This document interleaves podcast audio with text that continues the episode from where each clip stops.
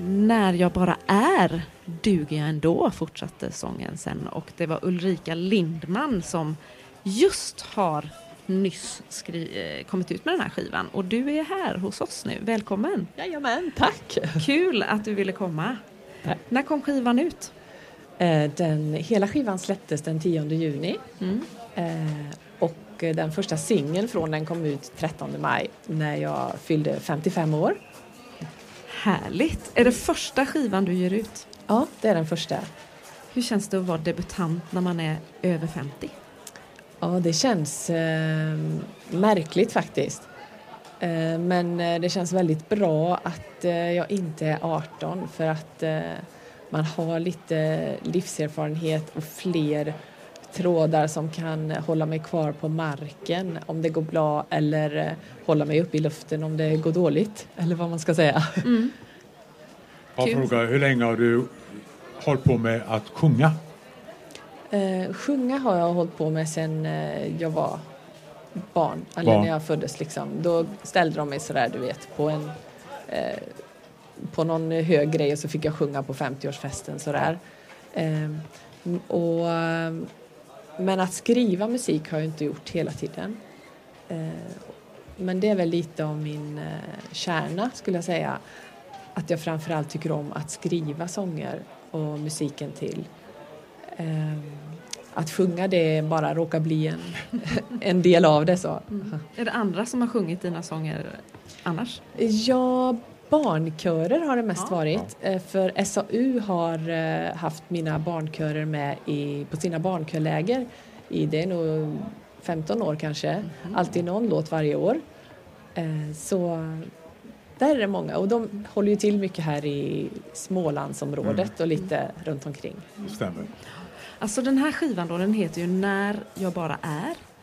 Eh, Du säger att du har gett ut den av en särskild anledning. Vill du berätta lite grann om det?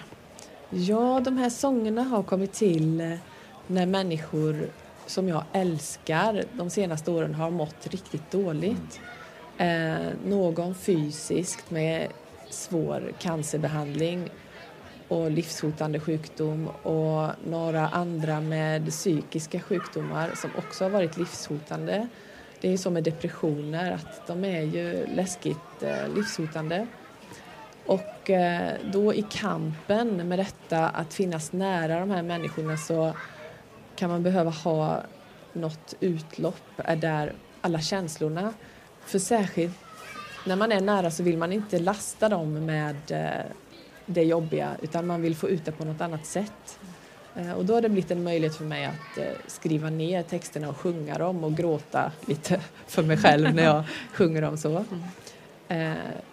Och när jag mm, sen sjöng igenom efter några år, tittade på texterna och sjöng igenom, då märkte jag att jag var så många sånger som fortfarande gav mig så mycket när jag sjöng dem att jag kanske skulle fundera på om eh, och ge ut dem för, ifall fler kunde känna tröst ifrån dem och känna sig lite mindre ensamma i sin situation.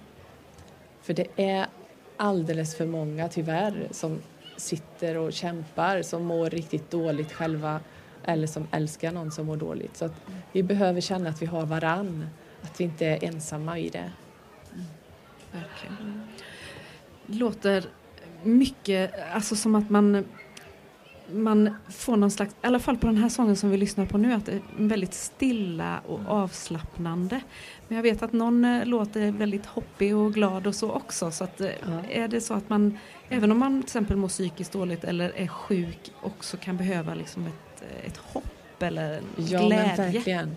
Ja, och det är ju, sjukdom är ju hela tiden en hopp och förtvivlansbana. Så att eh, man får ju ta och nj- njuta av hoppen när de kommer, något otroligt, kanske mer än andra gör. Så, och glädjas åt dem. Så att eh, några som är lite mer fartiga låtar då, det är ju bland annat Slappna av som den heter. Du behöver inte göra någonting idag, du kan bara vila och slappna av. När man är sjuk, då får man ju aldrig fredag. Man får aldrig semester. Och det behöver man ju som allra mest när man är sjuk. Så att få höra det och sjunga med i det. Liksom, jag behöver inte göra någonting idag. Jag behöver inte leva upp till diffusa krav som det ofta är med försäkringskassa och arbetsförmedling och allt som man måste ha kontakt med i den här situationen som kan kräva så mycket krafter. Men nej, man kan också skjuta på det ibland och bara unna sig sin vila och ha sin söndag eller ha sin helg och ja, riktigt slappna av. Mm. Har du fått någon respons eh, ifrån någon? Nu har den ju hela skivan släppts ganska nyss och, och så men kanske att någon har hört den innan också eller har du, har du fått någon respons? Ja, jag har fått respons faktiskt. Mm. Och, um, en del människor säger så här, åh vad fint du sjunger. Mm. Och, mm. Ja, det, då blir det liksom så här, och det är som de säger, du har en fin klänning så. Men när de, skick, när de skickar ett meddelande på Messenger, människor som jag inte känner, som skickar och beskriver att de har blivit så berörda och att de har i åratal kämpat med psykisk sjukdom och blivit så berörda utav mina sånger och verkligen eh, känner att någon ser deras situation och tar upp det även så här eh, i en församling eller vad man ska säga.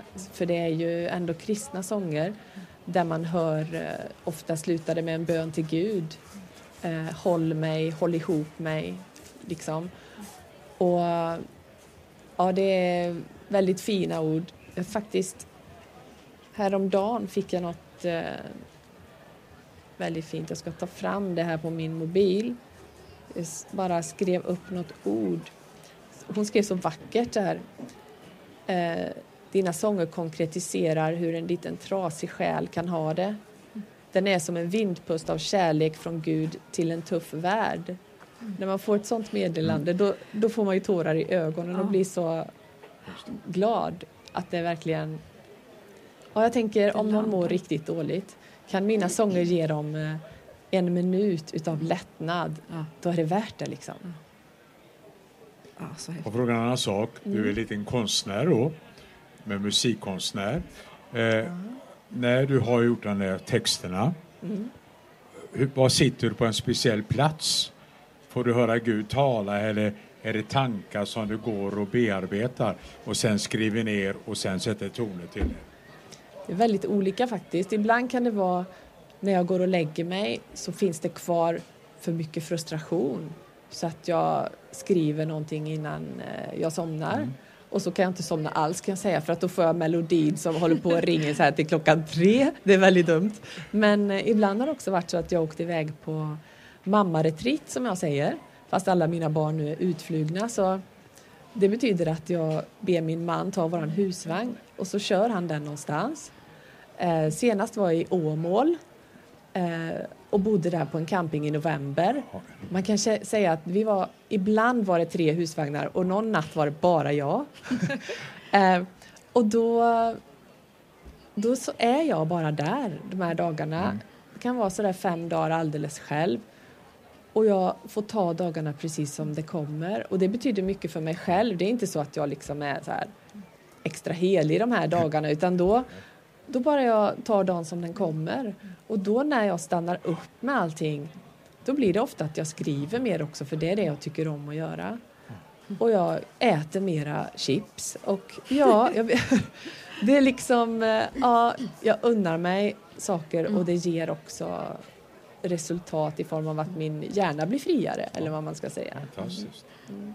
Är tanken att du vill ut och, och sjunga den här skivan på olika ställen eller är tanken att folk bara ska lyssna på Spotify och där eh, låtar finns? Ja, jag hoppas ju att eh, alla ska lyssna på Youtube och Spotify och så. Det finns också ett par eh, musikvideor där.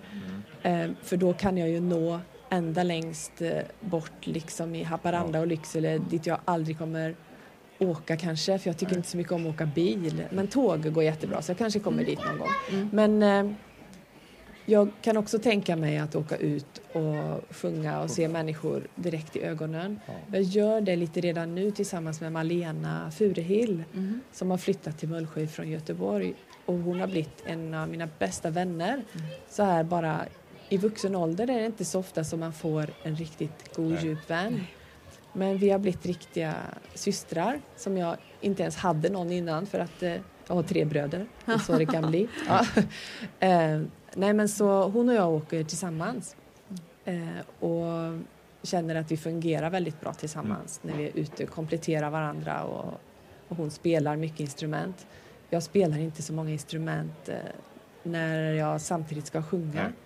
För då tappar jag fokuset så då nej, då är jag inte så rolig att lyssna på helt enkelt. Och de här sångerna behöver man ju verkligen ha fokus på kan jag tänka ja. mig för det är ju känslan i när ja, du men sjunger precis. detta Annars så blir det inte så betydelsefullt nej, om man inte mm.